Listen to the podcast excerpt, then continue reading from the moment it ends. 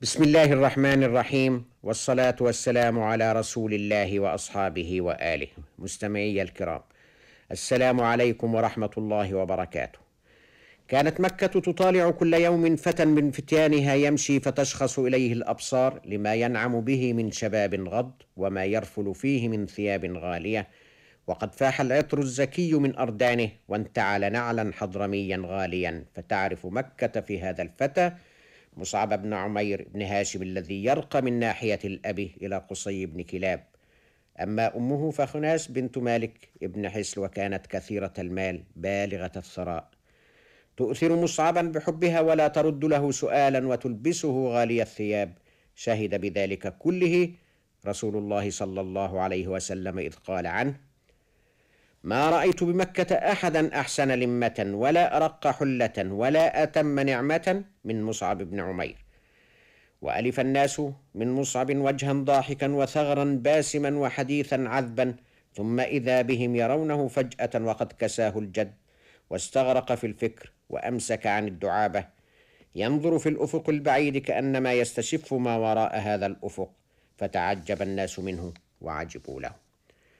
وكانت أمه أكثر الناس ادراكا لما آلت إليه حاله وإن لم تعرف العلة.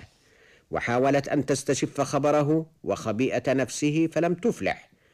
وألح عليها التفكير وتسأله فلا يجيب ويخرج عن نعم ولا بالصمت. واستبدت بها الحيرة واحتار في أمره كذلك صحابه ورفقته وعشيرته. أما واقع الأمر فإنه كان قد سمع بأمر الدين الجديد الذي دعا إليه سيدنا محمد عليه السلام.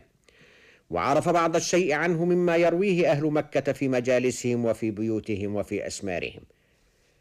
وأدرك بفطرته أنه أمام شيء جديد أحس فيه بالصدق. وكان كلما سمع شيئا عنه وجد ذاته.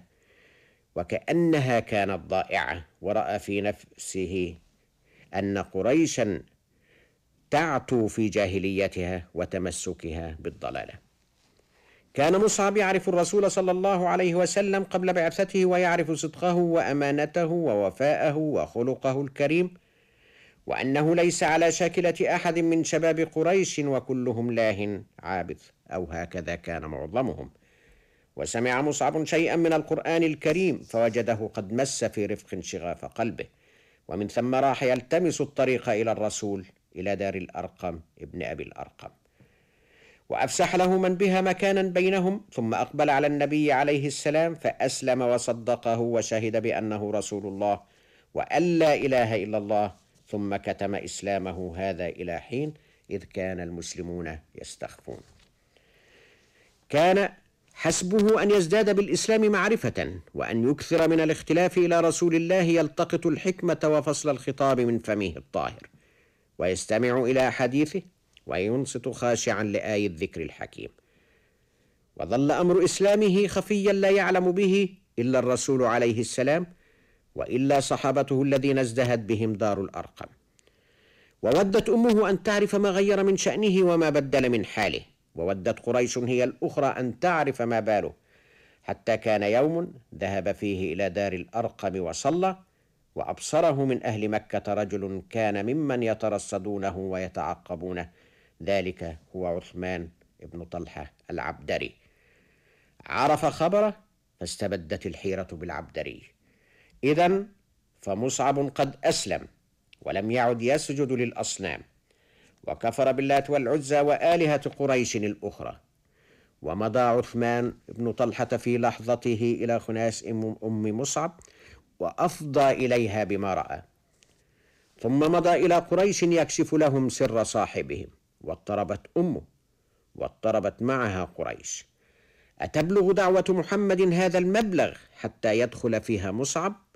لقد كانت قريش تعير محمدا عليه السلام بأن أكثر من استجاب لدعوته إنما هم من الفقراء والمستضعفين والعبيد ومن لا يعتد بهم المجتمع المكي. أما اليوم فماذا تقول وقد استجاب له مصعب؟ وتسعى أمه إليه ومعها بعض قريش لرده عما هو آخذ نفسه به ففشلوا في محاولاتهم. مستمعي الكرام هذا بعض قصة إسلام مصعب الصحابي ونستودعكم الله إلى حديث الغد بإذنه تعالى والسلام عليكم ورحمة الله وبركاته.